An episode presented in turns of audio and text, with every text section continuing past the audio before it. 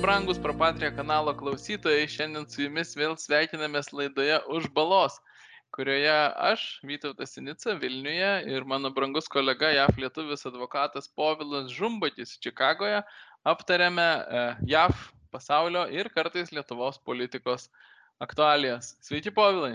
Sveiks, Vytautai. Gera Jūs girdėti. Šiandien mes kalbamės, tai yra aktualu, 27 rugsėjo dieną aktualu todėl kad niekada negaliu pažadėt kurią tiksliai dieną pasirodys eteryje ši laida bet visada būna svarbu tai apie ką kalbame neretai dar būsimuoju laiku. Ir būtent apie porą dalykų būsimuoju laiku norim pradžiai pasikalbėti susijusių su JAV vidaus politika, su tuo, kas ten vyksta.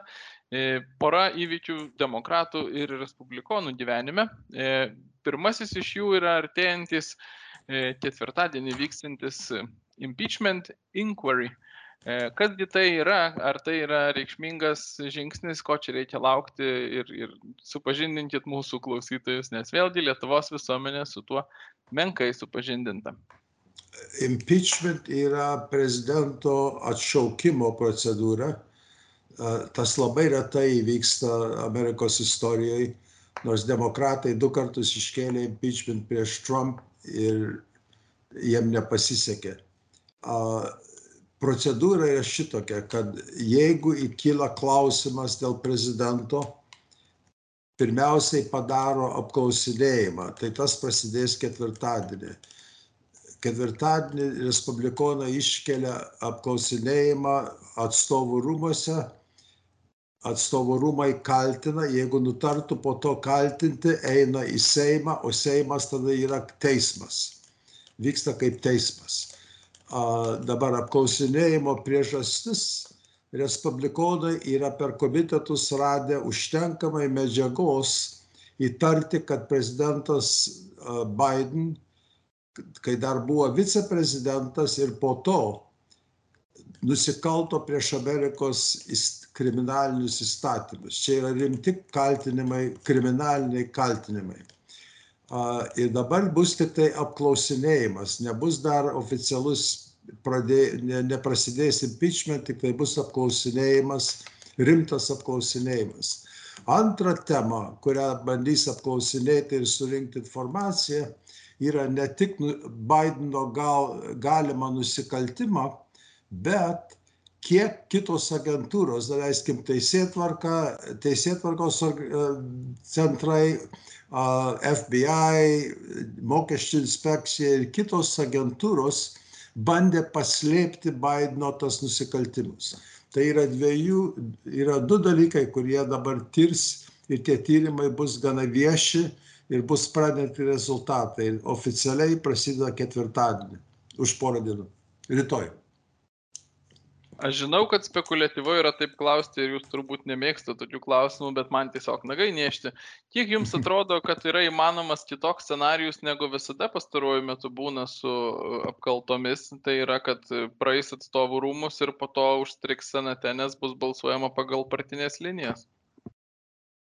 Taip gali būti. Aš manyčiau, kad jeigu bus aiškiai įrodyti nusikaltimai, net demokratų senatoriai, kurie visada balsuoja kaip vienas, jie balsuoja, ką partija įsako. Jie nebalsuoja kaip individai. Aš manau, kad ir jie turės atkreipti dėmesį. Tarp kitko, kai buvo bandymas nusodinti Niksoną, mhm. tai nebuvo, kad tik demokratai iškėlė, bet patys respublikonų senatoriai sakė, mes negalim toleruoti, ką Niksonas padarė. Ne ką Niksonas nusikalto, bet kaip po to buvo bandyma užmaskuoti nusikaltimą. Niksoną kaltino už maskavimą, ne už nusikaltimą. Bet patys respublikonai, jausdami pareigą prieš valstybę, prieš tautą, išėjo prieš patį respublikonų prezidentą. Ar tą padarys, ar yra užtenkamai sažiningų demokratų, yra abejonė.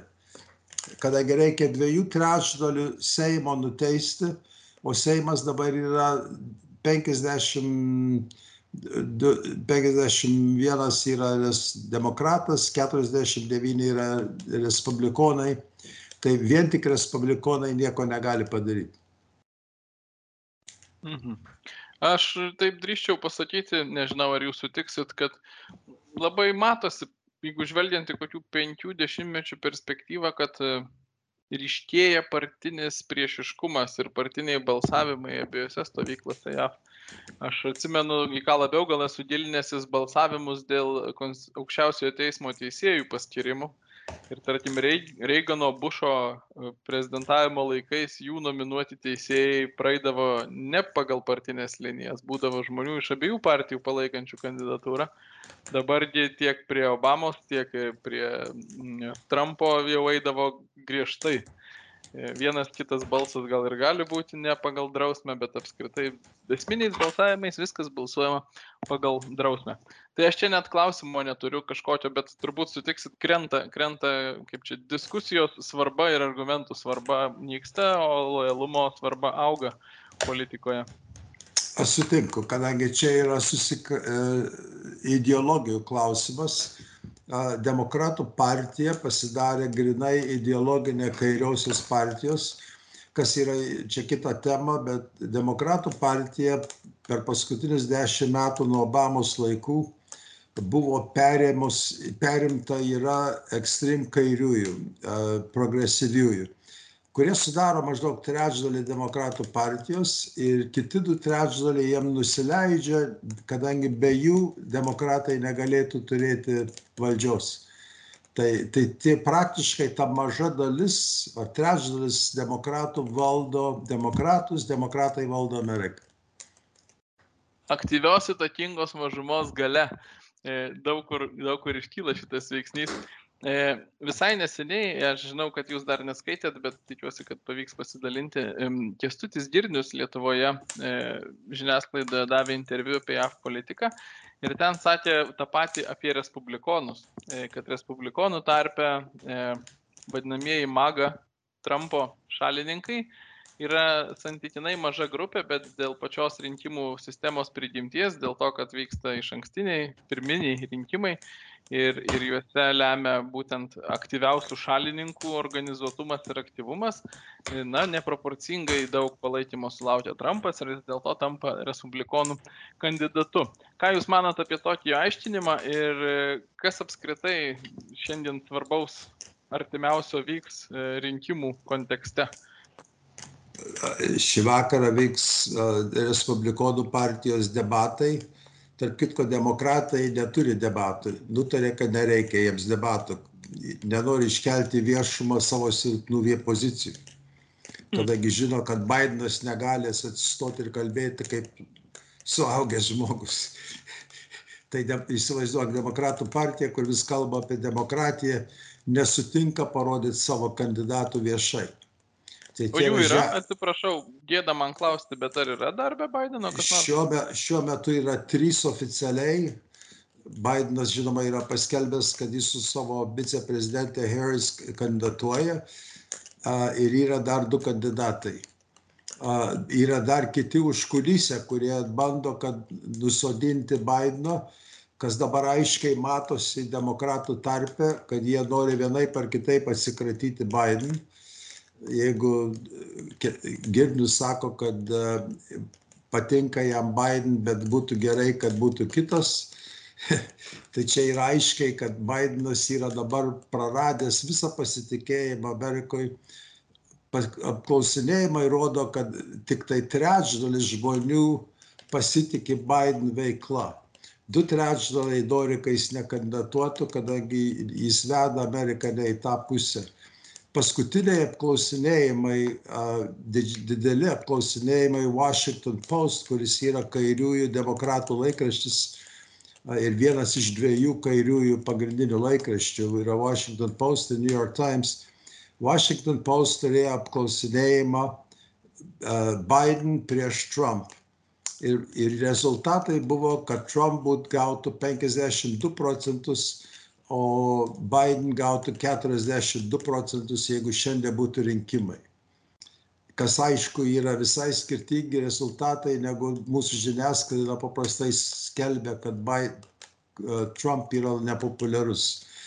Tarp ką respublikonų tarpe Trump turi virš 60 procentų remėjų, Arčiausias konkurentas turi 13 procentų. Mhm. Tai čia yra sunku kalbėti apie aktyvę susiorganizavusią mažumą.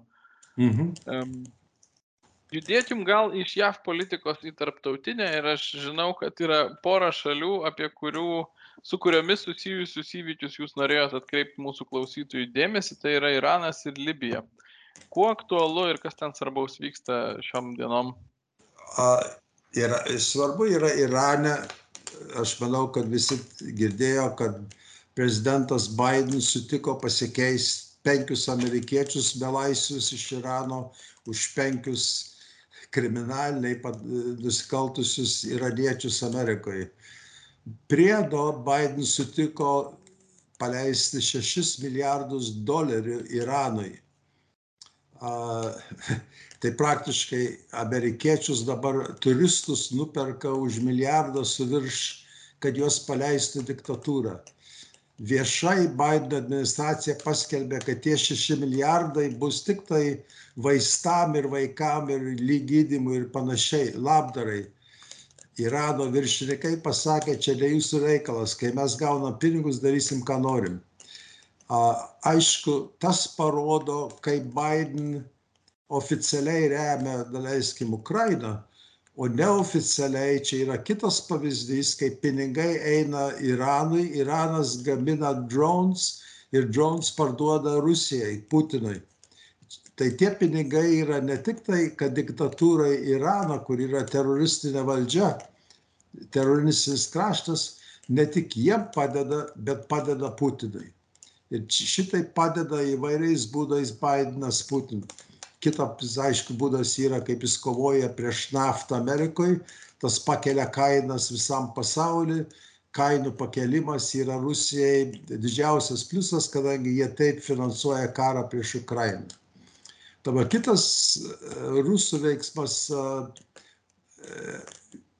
buvo libijoj kur vagnerio grupė reiškėsi. Libija yra susidalinusi dvi dalis po to kai buvo nuversta valdžia dėka Klintonienės ta dalis, rytų dalis yra prorusiška ir dabar rusai bando įsteigti laivyno karinę bazę Libijoje, kur būtų visai arti Italijos ir panašiai. Ir tas būtų didelis progresas rusų laivyno į vakarus, pavojus vakarams. O Libija, paminėjau Klintonienę, tai jį pasigyrė, kai ji buvo užsienio reikalų ministrė, ji pa, pa, pakartojo Cezariaus žodžius. Cezaris sakė, we came, we saw, we conquered. Clintonė nepasakė, we came, we saw, he died, kad nužudė uh, diktatorių Libijoje.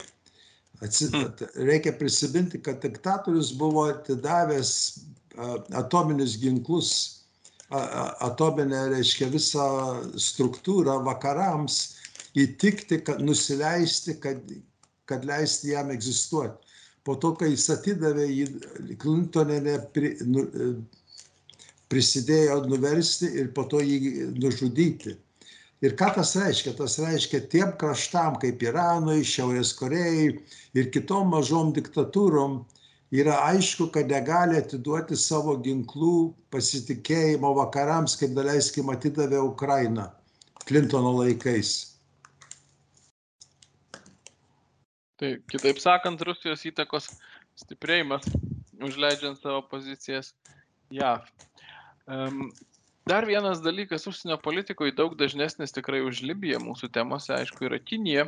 Kinija, kurią, pataisykit, jeigu klystų, vis daugiau amerikiečių suvokia kaip didžiausią geopolitinę grėsmę Amerikos interesams. Ir pastaruoju metu jūs atkreipėt mano dėmesį, Kinijos šnipai yra vis dažniau pagaunami kaip reiškinys anglakalbėse šalise. Ar galit plačiau papasakoti, kas vyksta čia? Labai paviršutiniai, kadangi čia yra labai plati tema. Šia, vakar Anglijoje, daleiskim, pradėjo penkias bylas prieš rusų šnipus prieš tai buvo sugauti keli irgi penki ar šeši kiniečiai šnipai Anglijoje. Tas pats vyksta Kanadoje, tas pats vyksta Australijoje, Naujoje Zelandijoje. Kas liečia Ameriką, dabar yra tokia koncentruota Kinijos a, jėga prieš Ameriką, kas liečia šnipus ir šnipinėjimą, a, kad tik- aš manau, kad tau Vyto tai Lietuvoje būtų sunku įsivaizduoti. Kaip po pavyzdį, universitetai turi virš 300 tūkstančių kiniečių studentų. Daugumas 90 kiek procentų yra griežtuose moksluose - inžinerijoje, fizikoje, chemijoje ir panašiai. Ir jie bando prieiti prie tyrimų, kur universitetai praveda ypatingai Amerikos valdžios tyrimus dėl gynybos. Tie visi studentai yra pa- pasižadėję be jokių sąlygų, kad jie visais būdais, kai jeigu jų reikalaus, jie rems kiniečių saugumą. Visi tą viešai žino. Šalia universitetų Kinija yra įsteigusi visoje eilėje garsių universitetų Confucius Institutes. Tai yra institutai universitetų rėmuose, kur yra šimta procentų kontroliuojami Kinijos. Kinijos profesoriai, Kinijos administratoriai mokina apie Kinijos kultūrą, politiką ir panašiai Amerikos studentus.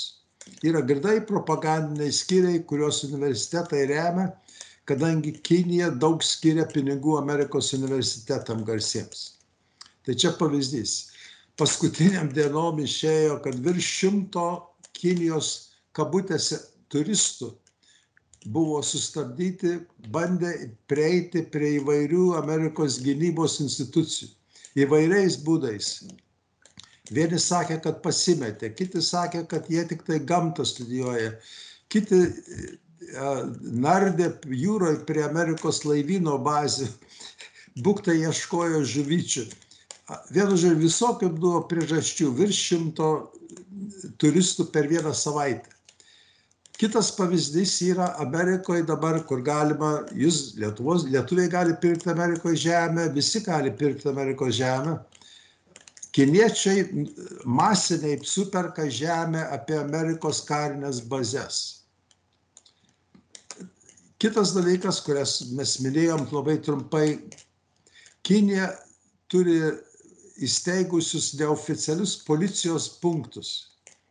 Kinijos policija neoficialiai prižiūri savo emigrantus, jeigu jie nusikalsta Kinijai. Visi turi prisiekti, visos kompanijos turi prisiekti, kad jie atsakys viską, ką reikia ir padės Kinijos saugumui, Kinijos gynybai. O kad juos tą įgyvendint, jie įsteigė net policijos stotis. Vieną stotį New York'e uždarė, bet visi žino, kad dar yra bent penkios ar šešios Amerikos didžiuosiuose miestuose. Kiekvienas miestas, didysis miestas turi Chinatown. Daleiskim, Čikagoje yra masinis kvartalas, kur yra Chinatown, kur visi kalba kiniškai, bizniai visi kiniškai ir praktiškai jie turi savo teisinę sistemą, net kriminalinę sistemą, kurioje Amerikoje nesikišia oficialiai. Nors jie tą daro neoficialiai.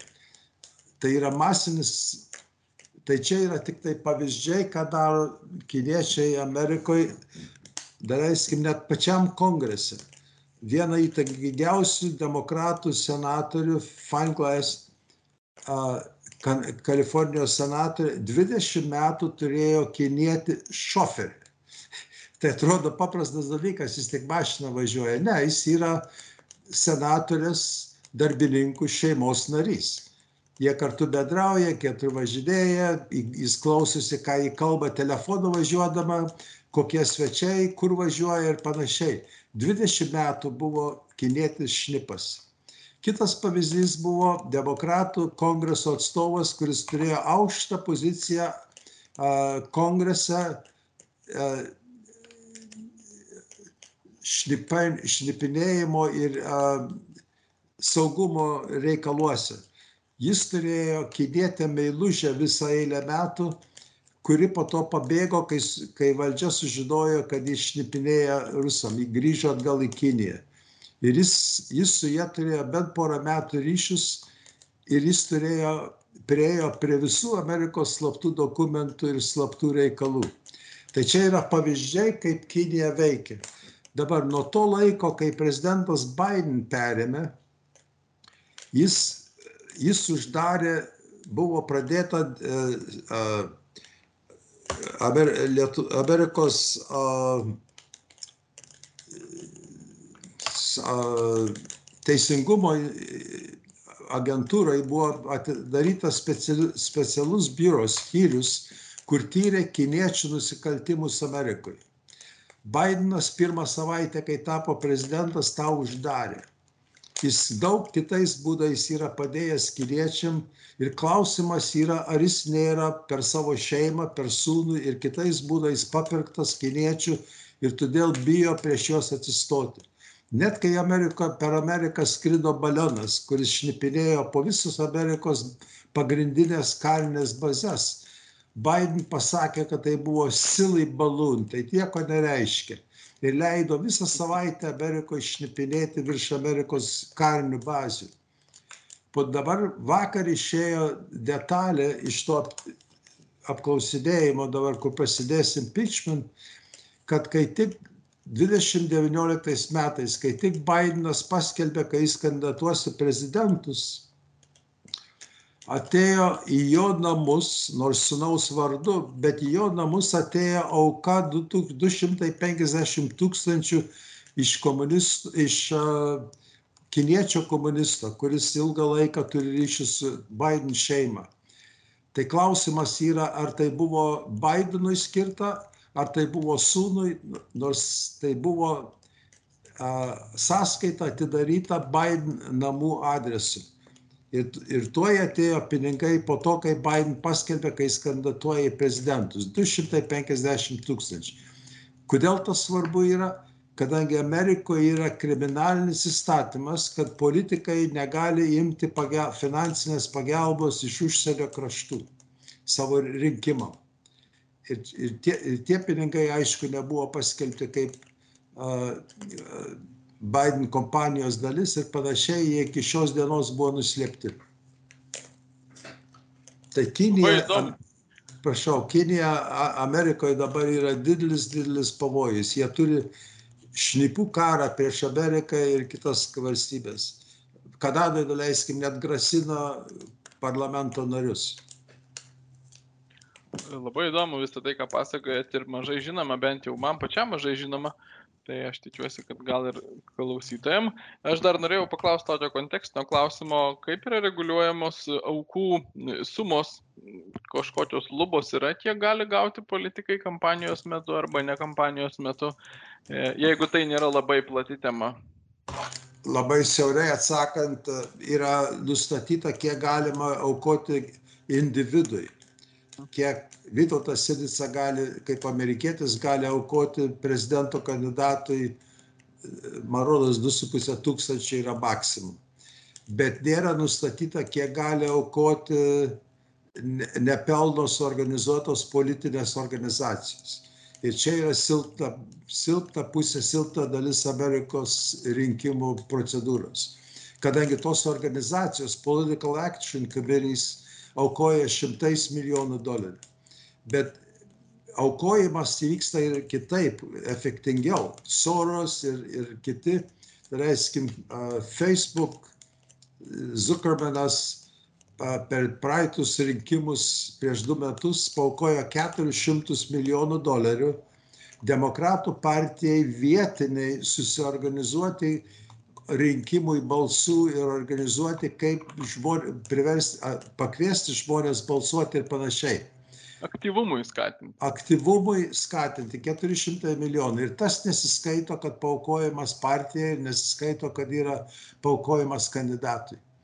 Tada, eskim, Biden gali sakyti, man Facebook nieko neaukoja. Bet paukoja 400 milijonų labai kritiškose vietose, kad sukontroliuoti, kaip yra balsuojama, kaip yra skaičiuojama balsai ir panašiai dėl tos visos struktūros. Supratau. Aš palyginimui drįsiu pasakyti, kad Lietuvoje gali aukoti politikams tik per rinkimus. E, partijoms e, nerinkimų metu apskritai aukoti negalima. Ir e, aukojant per rinkimus, nedeklaravęs turto ir pajamų, tai dažniausiai atbaida daugą. Žmogus gali skirti 100, nebijau sumeluoti, gal 50 eurų, o deklaravęs e, visą tai žmogus gali skirti iki 8800 berots eurų, jeigu tai neviršė 10 procentų jo metinių pajamų deklaruotų. Tai, o jokie juridiniai asmenys nepriklausomai pelno siekiantys ar nesiekiantys e, nieko aukoti negali. Kiek aš žinau, lyginamojo perspektyvoje Europoje, tik Europoje esu lyginęs, tai yra labai griežta tvarka. E, visur, visur vakarų Europoje yra tie reguliavimai liberalesni. E, Amerika gali parodyti, kaip reikia apstatyti balsuotojus. Yra visokių būdų politikams surinkti pinigus ir tapti turtingais ir tarp kitko tuos fondus kur surenka rinkimus kai pagaliau nutarė toliau nebekandidatuoti ir dar yra likę keliolika milijonų jie tuos perveda į savo pensijos fondus bet jeigu daleiskim norit prieit prie kokio senatoriaus ar, ar kongreso atstovo arba net prezidento, tai reikia sužinoti, ką jo giminės daro.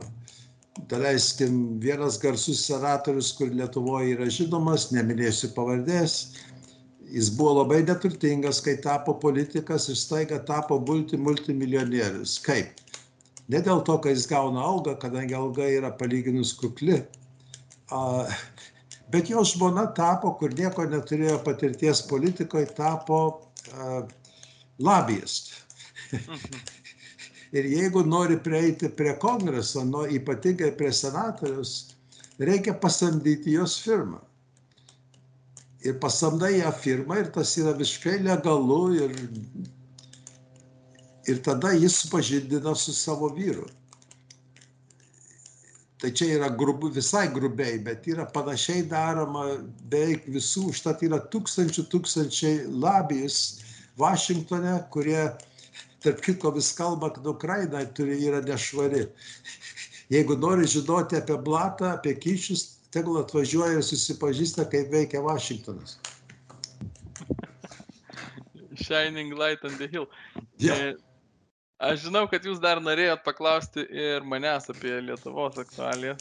Jo, man įdomu, kas dedas su Lietuvos mokytojais. Mokytojai protestuos, streikuos tiksliau, e, streikuos e, keldami iš esmės vieną reikalavimą, tai yra dėl atlyginimų. E, tas reikalavimas čia jie neblogai pagavo, aš galbūt per daug supaprasnu pradžią reikia sakyti, Lietuvoje yra, jeigu nepainioju, penkios mokytojų profsąjungos ir daug profsąjungoms nepriklausančių mokytojų. E, bent viena iš profsąjungų tikrai protestuoja, tai yra, atsiprašau, streikuoja, bet jungiasi ir kitos. E, jie formuluoja taip, koalicija ši dabartinė, sudarydama sutartį, žadėjo kaip programinį tikslą pakelti mokytojų atlyginimus iki 130 procentų vidutinio šalies atlyginimo.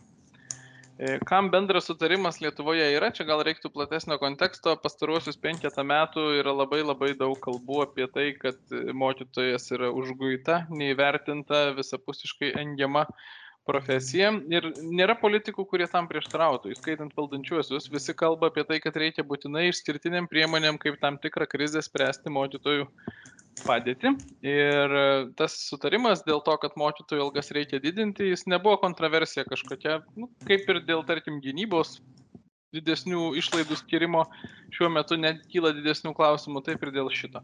Bet dabar artėja paskutiniai metai kadencijos, paskutinis biudžeto tvirtinimas šioje kadencijoje ir e, to nėra nei iš tolo pasiekta. Ir na, mokytojai, atsižvelgiant aišku į tai, kad nežinau kaip ten JAV skaičiai, o Lietuvoje skaičiai buvo, kad per pastaruosius porą metų kilo po 20 procentų infliacija. Ir nors atlyginimai absoliučiais dydžiais didėjo, bet perkamoji galia tai krito labai stipriai. Pridėjus dar pavyzdžiui paskolas, kas labai aktualu jauniems mokytojams, nu, kurių palūkanos augo iki šešių, e, tapo iš tikrųjų sudėtinga išgyventi ir taip jau užvirė katilas dėl, dėl mokytojų tiesiog finansinės būklės. Ir mokytojai kelia tą klausimą būtent, kad pagal koalicijos pažadus finansavimas jų algoms būtų padidintas. E, nacionalinis susivienimas, kurį aš atstovauju, išreiškė palaikymą jų streikui, bet taip pat pridėjo, kad neperspektyvu, ilgoje perspektyvoje yra kalbėti vien apie pinigus. Tai yra siauras požiūris į problemą. Mokytojai turi daug daugiau problemų. Ir čia galima išskirti porą momentų. Vienas tai yra mokytojų padėtis. Jie yra paskandinti biurokratijoje. Yra labai labai daug sukurta dirbtinų, sakyčiau, kartais iš ES, iš projektinės veiklos ateinančio, kartais tiesiog kartu su naujosios viešosios vadybos principais atėjusių įvairiausių ataskaitų planų, kišimosi į šeimų socialinį gyvenimą, ataskaitų apie mokinių gyvenimą. Nu, žodžiu, ko tik ten yra užkrauta, jie visą tai neša ir tikrai tuo nesidžiaugia. E, kitas dalykas yra tiesiog statusas. Ir jūs čia žinote tuos pokyčius, aš manau, neblogiau negu e, aš. Lietuvoje, kaip ir daug kur vakarų pasaulyje, e, pasikeitė vaikų teisų ir pareigų balansas. E, vaikai tapo, ne, netapo, buvo pripratinti prie to, kad aplink juos yra salidinai daug šokinėjama ir mažai iš jų reikalaujama jie niekaip neprisitaiko prie drausmės mokykloje. Kai ateina iš namų aplinkos, kurioje jiems daug kas galima, mokytojas atrodo kaip keistuolis, kuris neaišku, ko čia nori su savo reikalavimais. Ir mokiniai yra salidinai neklusnus ir nepagarbus. Tėvai laiko normą kištis, ateiti ginti savo vaikų, reikalauti geresnio pažymio, reikalauti atsiprašyti už nuobaudą, kažkokią drausminimą ir taip toliau. Administracijos nelabai drįsta veltis į konfliktus ir, ir ginti mokytojų. Mokytojai yra e, tie, kurie turi apsiginti. E, ir visa šita visuma administracijos tėvų ir mokinių laikysena padaro mokytoją tokių kampe užspeistų žmogum, kuris, na, banalaus žmogiško orumo nebeturi, nes yra sveikam protui akivaizdu, kad mokytojas turi galėti mokinius e, drausminti, jiems nustatyti taisyklės, tikėtis tam tikro paklusnumo ir be abejo pagarbos. Viso to nėra ir tai varo iš proto. E, prie ko yra dar daug visokių kitų dalykų. Ten e, seminarai, paskaitos, daugybė veikėjų, valstybinių, kvazi valstybinių, privataus sektoriaus, aiškina mokytojams, kaip jie turi dirbti ir nuolatos jie girdi iš įvairių kampų apie tai, kaip jie netinkamai kažką daro ir yra patys kalti. Štai visai neseniai Šiauliuose paauglys sumušė mokytoją dėl to, kad jis atėmė iš jo mobilų telefoną pamokos metu. Čia būtų neskandalas, nes taip atsitinka, yra įvairių keistų elgesio moksleivių, bet įsivaizduokit švietimo ministerija kitą dieną komentuodama šitą įvykį pasakė, kad reikia pasigilinti, kokia buvo toje mokykloje tvarka dėl telefonų ir jeigu tvarka leido mokiniams turėti telefonus, tai tada mokytojas atimdamas telefoną galimai pažeidė tvarką, na ir tada pats išprovokavo šitą elgesį. Ir tai buvo ministerijos komentaras. Aš manau, kad jis, lab, kodėl aš čia išsiplėčiau į tą pavyzdį, todėl kad tai labai simbolizuoja ir kūnija tą atmosferą, kurioje gyvena mokytojai šiuo metu. Tai va, tai natūralu, kad profsąjungos yra į turtinės teises labiau orientuota organizacija ir kelia ne pasaulyje žiūrinius klausimus, bet iš tikrųjų tų problemų yra daug daugiau. Na ir prie viso to be abejo dar yra apskritai ugdymo turinio problemos. E, štai mes turim temas dabar apie gyvenimo įgūdžius, kur e, sexual education, litiškumo ugdymas bus e, na, kontroversijų ir įtampų epicentre, dėl to taip pat protestai yra nuolatinis klausimas dėl to, koks pilietis yra ugdomas, kokia istorinė sąmonė. Bet čia jau peržengia to protesto ribas, mokytojai dėl to neprotestuoja, bet na, tų švietimo problemų yra labai ir labai daug. Aš manau, Vytautai stebint, kas dedas Lietuvoje iš tolo ir matant, kas atsitiko Amerikoje, yra du dalykai. Vienas svarbiausia yra, kad ne pinigai, bet yra pagarba mokytojai.